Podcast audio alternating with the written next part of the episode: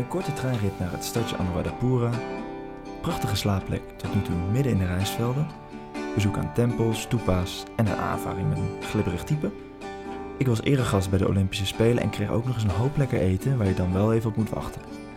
Ook bezocht ik de oudst geplante boom ter wereld, die verrassend slank is gebleven. En er zijn weer nieuwe challenges bijgekomen. Nou, een hoop gebeurt deze week.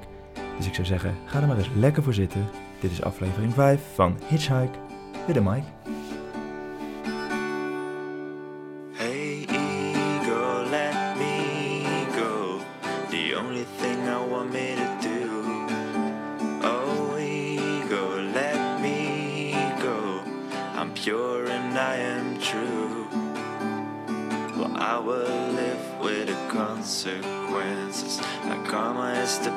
Would be.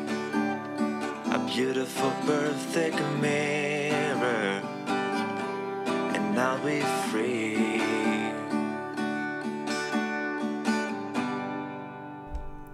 Ja, nogmaals van harte welkom bij de vijfde aflevering van Hitchhike with a Mike. Mijn naam is Tim en je luistert dus naar Hitchhike with a Mike reisverhalen, de podcast over mijn reis op dit moment in Sri Lanka.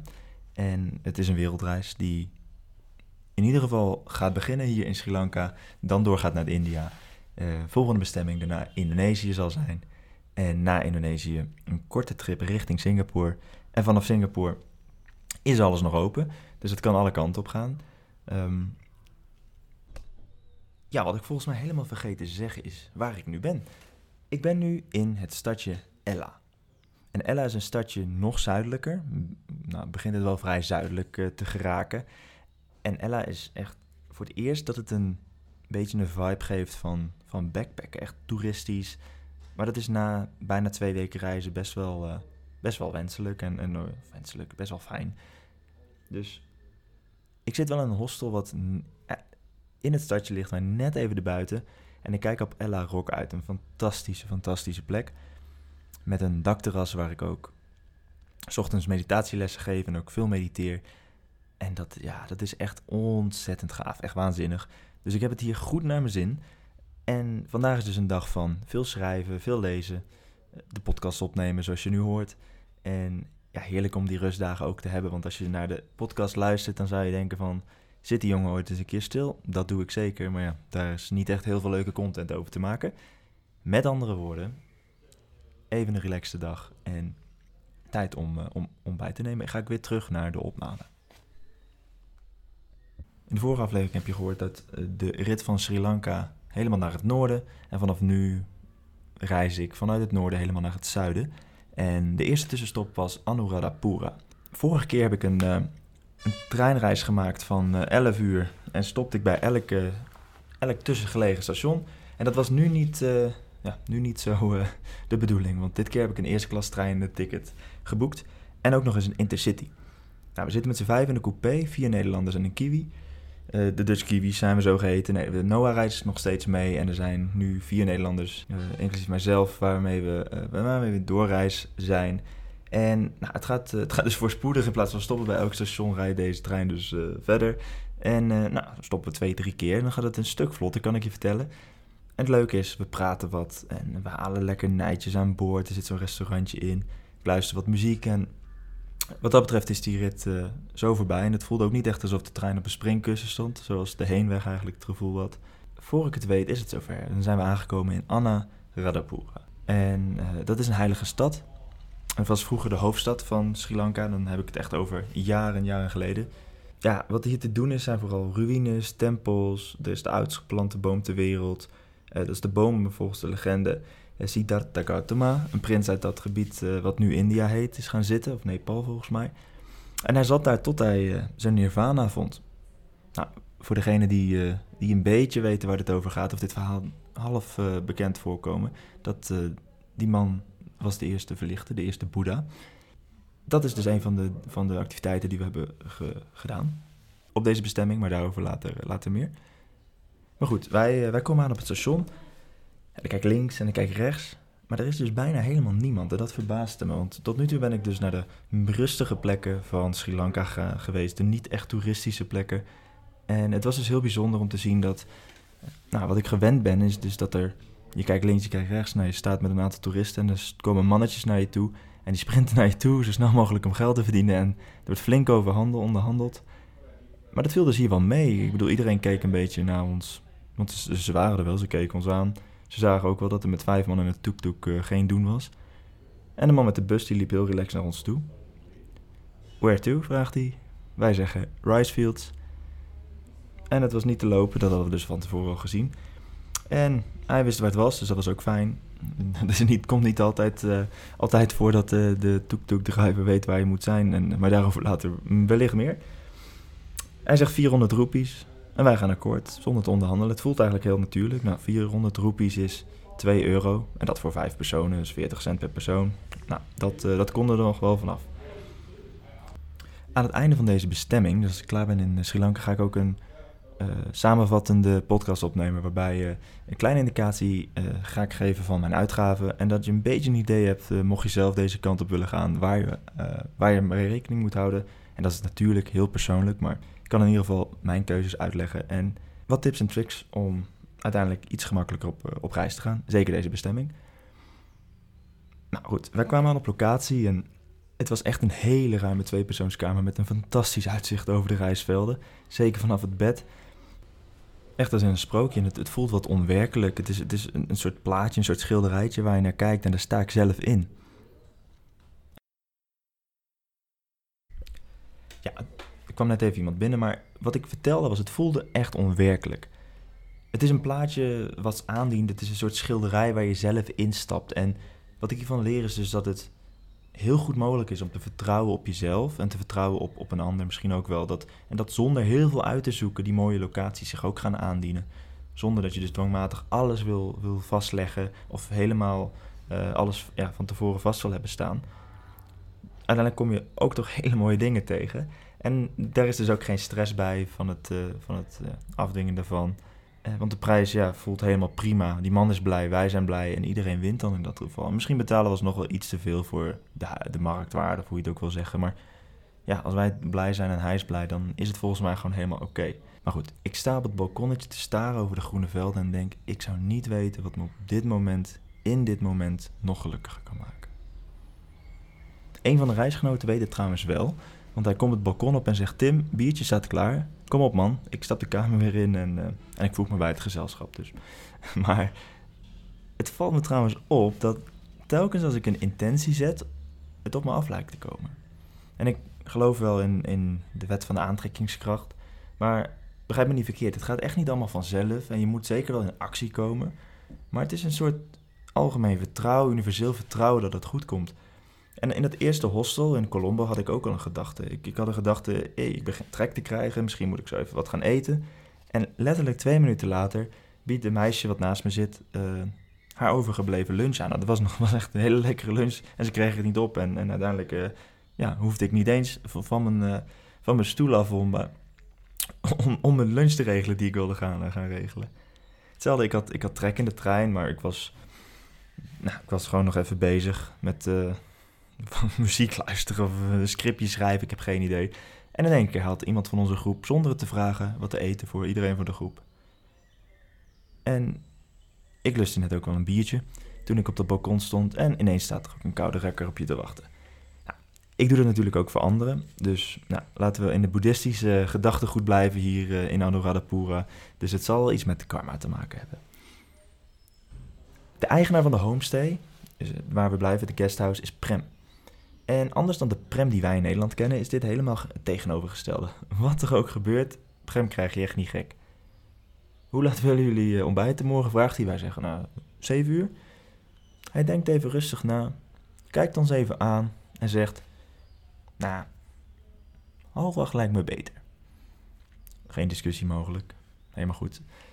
En ook de fietsen die we willen huren van hem, waren niet echt vaste prijs. Of hij had volgens mij geen idee wat hij ervoor wilde vragen. Zei, hoeveel, hoeveel, uh, hoeveel kostte die uh, fiets om een dag te huren?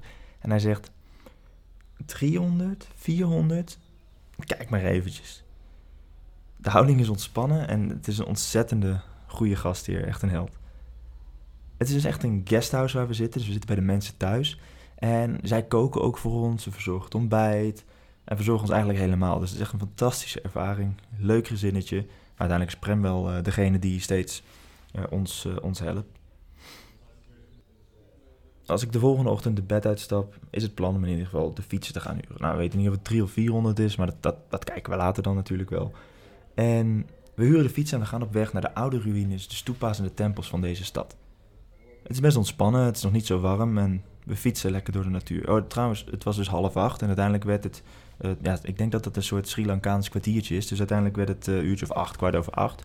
En eh, ja, so be it. Go with the flow. Je kan je daar heel druk om maken, maar tijd is ook maar relatief natuurlijk. En dus dat doen we uiteindelijk ook niet. En we fietsen dus ietsje later weg.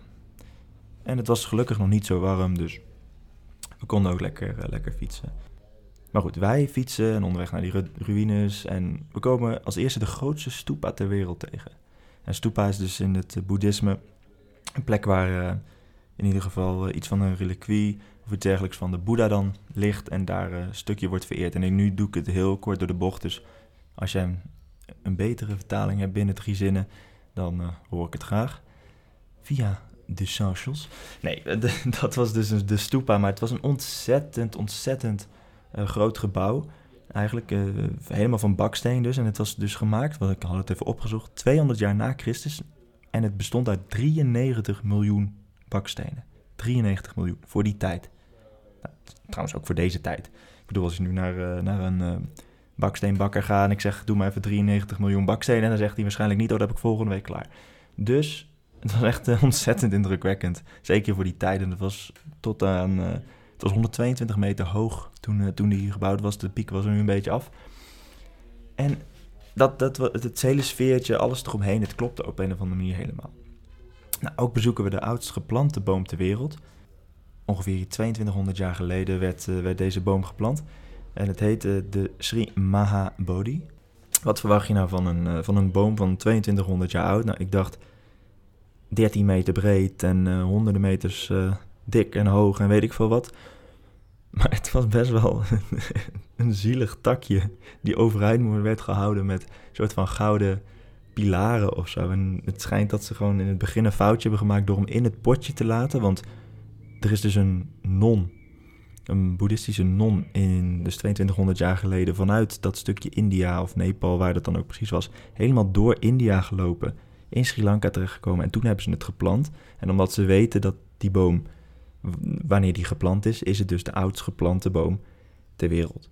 Het stelt niet zo heel veel voor, alleen het hele complex eromheen en de rituelen en de mensen die je daar ziet en wel een gids, dat maakt het wel bijzonder en dat maakt het ook, ook, ook gaaf en, en tof om te doen. Nou, we gingen dus eh, nog verder de omgeving ontdekken en kwamen we weer langs mooie plekken. We bezochten nog een tempel en bij één tempel klommen we omhoog. Het was, ja, het was een wat, wat ruïneachtige tempel. Het uitzicht was prachtig daar. En ondanks dat deze tempel dus een soort ruïne was, kan ik me nog herinneren dat we daardoor nou, niet heel veel te zien hadden, maar dat de gesprekstof tussen ons erg, eh, erg goed was. Dus ik ben nog steeds eh, met de drie Nederlanders en, eh, en Noah, Olivier, Willemijn en Jules. En op een bepaald moment hoor ik Olivier roepen, slang, slang. En ik kijk in mijn ooghoek en ik zie het uiteinde van een echt wel dikke slang wegkruipen. Op nou, ongeveer 5, 6 meter van me vandaan. En ik zag, tot, eh, ik zag ongeveer 1, 1,5 meter. En het kopje was nog niet in zicht. En dat was dus ook wel vrij dik. En ik hoorde dus eh, net van Noah, ik vroeg, hey, hoe lang eh, was die slang nou? Nou, hij schat ongeveer in 2 meter. En dan, ja, dat is wel, wel bijzonder. Maar de slang ging zijn eigen weg en wij de onze. Maar ja, het is wel bijzonder wat ik zeg. En wat er dan in zo'n situatie gebeurt is ook bijzonder. Want je hebt heel veel verschillende type mensen en die reageren eigenlijk allemaal op hun eigen manier. En dat is wel de, de fight-flight reactie die doorgaans in het werkende leven zinloos is. Omdat je ja, boos wordt op een mailtje van een collega of een of andere manier. Maar nu ging het om een slang. Dus het was wel een soort van reëlere dreiging of zo. Maar aan de andere kant, hij was toch nog zes meter vandaan. Hij ging de andere kant op, dus er was niet echt direct gevaar. Maar aangezien velen van ons niet eh, gewend zijn aan wilde slangen, mij inclusief, nou inmiddels eh, begin ik er wel een beetje gewend aan te raken, was, het, eh, was ik toch wel even een uiterste paraatheid terug om naar beneden, beneden te klimmen en te kijken of er niet links of rechts ergens een slangetje voorbij kwam. En voor degenen die mij een beetje kennen, heb ik niet heel veel angsten. Nou, dat zeg ik ook wel zo. Ik heb misschien wel veel angsten, maar ik ben niet uitgesproken bang voor iets. Maar als ik dan toch iets moet noemen, dan zijn het slangen. Dus wat dat betreft was het een mooie, mooie les. Maar op een of andere manier bleef ik rustiger dan ik had gedacht. Dus dat was wel, eh, dat was wel weer een winst of zo. Goed. Het was uiteindelijk tijd om verder te gaan, dus we besloten nog eh, eh, een lunchtentje op te zoeken. En daar moesten we nog een stukje naartoe fietsen. En toen we op de fiets zaten, zagen we een hele hoop mensen bij elkaar, allemaal in kostuums. En we stopten, gingen kijken. En het was een soort opening voor de school Olympische Spelen. Er was een fanfare, erepodium, tent met eregasten, echt honderden, honderden mensen. En de ene toespraak naar de andere werd er gehouden. En ja, wij waren daar dus als enige niet-Sri Lankanen gewoon heen gelopen, wel even gevraagd. Maar we mochten daar gewoon bij zijn en kijken. En dat viel dus wel op, want er kwam een man met een badge aan en die wenkte ons. En we moesten even naar hun naar voren komen. En druk werd er verteld dat we mee moesten komen, dus ja, wij meekomen. En uiteindelijk op de stoelen naast het erepodium geplaatst, helemaal first row, konden we kijken naar de toespraken, luisteren naar de toespraken. En uiteindelijk uh, hoopten we natuurlijk ook nog wat activiteiten te zien. Maar die toespraak werd eh, ja, naar toespraak gegeven. En ineens werd er ook een Engelse versies eh, van de toespraken gebruikt. Nou, dat werd helemaal daarvoor niet gedaan. Dus het leek wel alsof ze dat voor ons deden. Het was ook heel kort. En het was super grappig. En daar heb ik ook wel wat opgenomen. Daar gaan we nu even naar luisteren. Luister maar.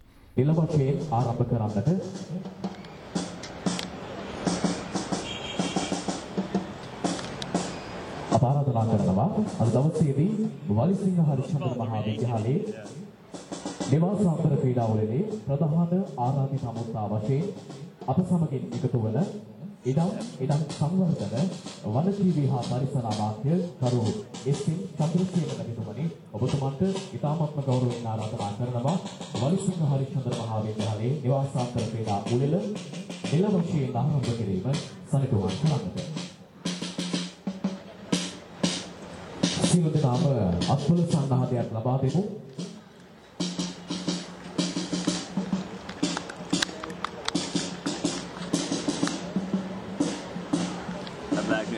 Knullig uh, kinderding te zijn. Ja. Het is al best wel professioneel, met allemaal leken mensen. Ja, ja, ja. Gelijk heel හරිෂ්චන්ද්‍රේ විස්සයි විස්ස නිවාසාන්තර ක්‍රීඩා උළෙල ආමන්ත්‍රණය කරන්නට මේ මොහොතේදී ඉතාමත්ම ගෞරවයෙන් යුක්තව ආරාධනා කරනවා අද දවසේදී ප්‍රධාන ආරාධිත අමුත්තා වශයෙන් මේ සඳහා අප සමගින් එකතු වෙන Al met al een enorm bijzondere ervaring om eh, al die toespraken te horen. Eh, maar ja, we hadden nog steeds trek en het duurde maar, het duurde maar, het duurde maar. Dus op een bepaald punt was het wel tijd om te gaan. En uh, we hebben geen sport gezien, maar het was wel zeker een bijzondere ervaring. De mensen waren super lief.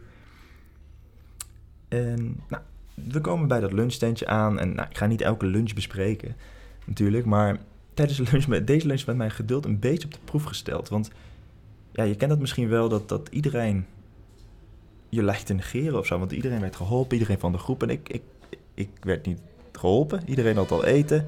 En iedereen zat al lekker aan het eten. En niet iedereen sprak Engels daar. En ik kreeg wat horen. Wat ik dan hoorde. Yes sir, we will help you soon. Uh, someone will help you. Maar dat gebeurde maar niet. En, en ik denk nou, ik pak mijn microfoon erbij. En ik uh, ga wel kijken wat er gebeurt. Niet, niet, niet voor hun, maar gewoon voor mezelf. Dat is een beetje zo bij me. En uh, ja, dit is wat er, wat er zich afspeelde bij mij en in die bewuste tent en in het restaurantje. Ja, soms heb je zo'n moment dat je... Iedereen loopt langs en je hebt het idee dat je helemaal geregeerd wordt. Maar uh, ze, lachen wel vriendelijk naar je. Dus even, even wachten. Maar boos worden is het laatste wat je kan doen. Dus, uh, blijft, uh, blijft even, even uitzien. Er komt nu iemand aan. Dus, oh nee, toch niet.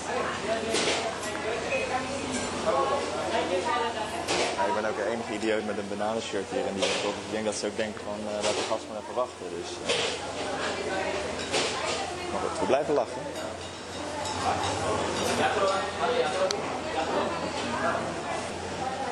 Nou, het mooie is wel dat alles op het eigen tempo gaat. En daardoor, uh, nou moet je af en toe gewoon even geduld hebben. Ze zijn ook super druk, dus wat dat betreft uh, is het ook dan niet erg.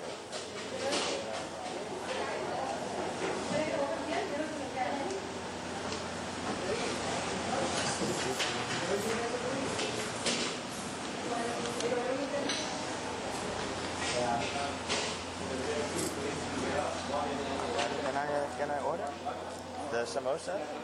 Yeah, I know what I want. Uh, That one. That's the.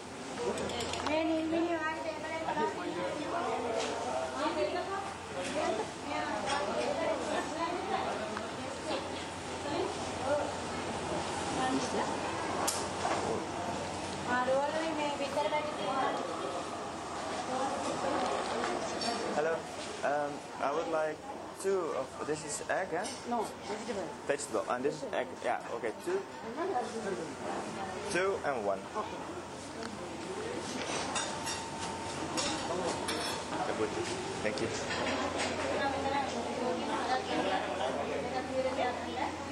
Zo winter aanhouden. En heeft hij gewoon zijn eten. Nou, het gaat dus vooral om rustig blijven.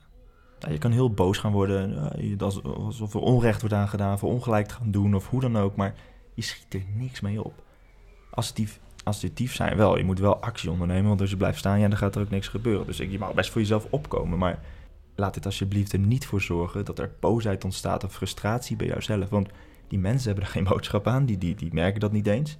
En uiteindelijk, ja, zit je zelf met die penarie. De lunch was overigens wel echt super lekker. En eh, na een drukke dag eh, was het ook wel tijd om terug te keren naar het guesthouse. En dat doe je dan over de weg.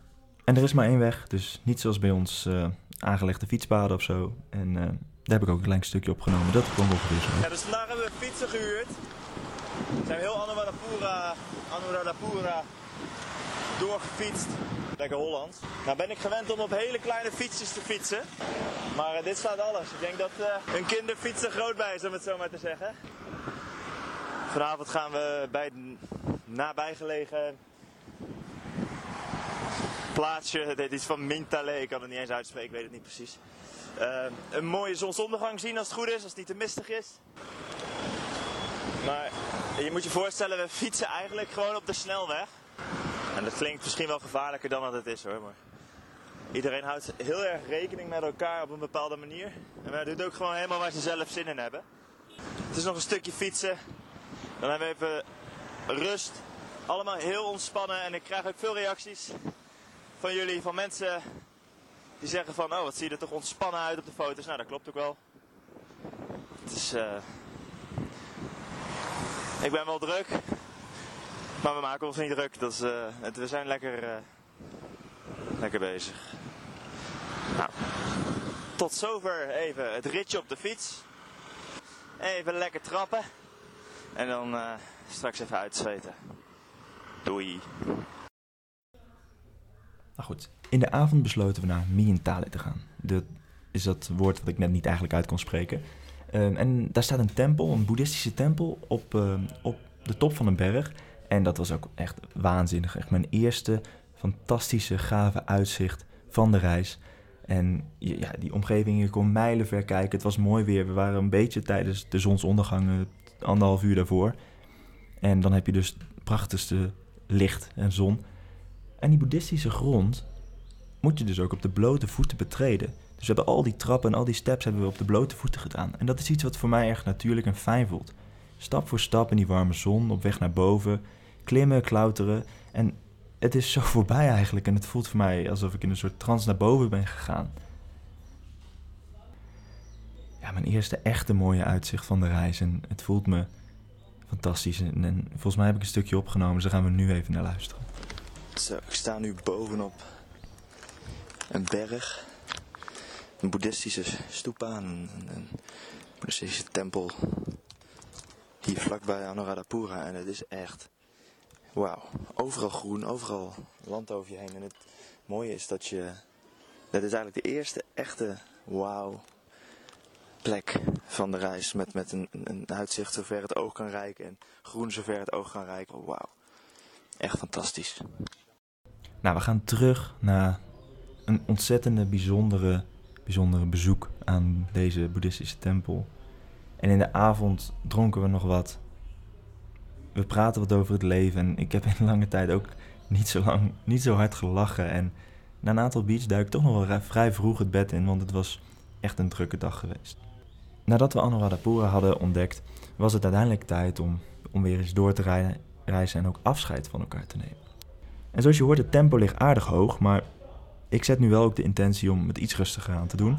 richting het zuiden, waar de strandlocaties zitten. En waar ik gewoon wat meer rust ook, ook ga nemen. Ook tijd heb om dit soort dingen op te nemen. En ook lekker ook even niks te doen. Dus ik pak tussendoor ook wel die dagen. En tot nu toe heb ik ook niet meer verder gewerkt in het opdrachtenboekje. Maar er zijn dus wel twee opdrachten bijgekomen. Aangezien dat ik nu afscheid heb genomen van Jules, eh, Olivier en Willemijn. En die opdrachten ga ik nu even voorlezen. Ik moet ze even bijpakken. Jules heeft deze geschreven. Ga naar Rotti-eiland in Indonesië en stuur een foto naar mij. Dus ik ga nog naar Indonesië toe en een van de doelen is dus het bezoeken van Rotti-eiland. Nou, het tweede had ook met een locatie te maken en door, eh, door dus, eh, Olivier en Willemijn geschreven. En ze schrijven, hoi Tim, dit is een hele mooie opdracht. Nou, dat bepalen we zelf wel.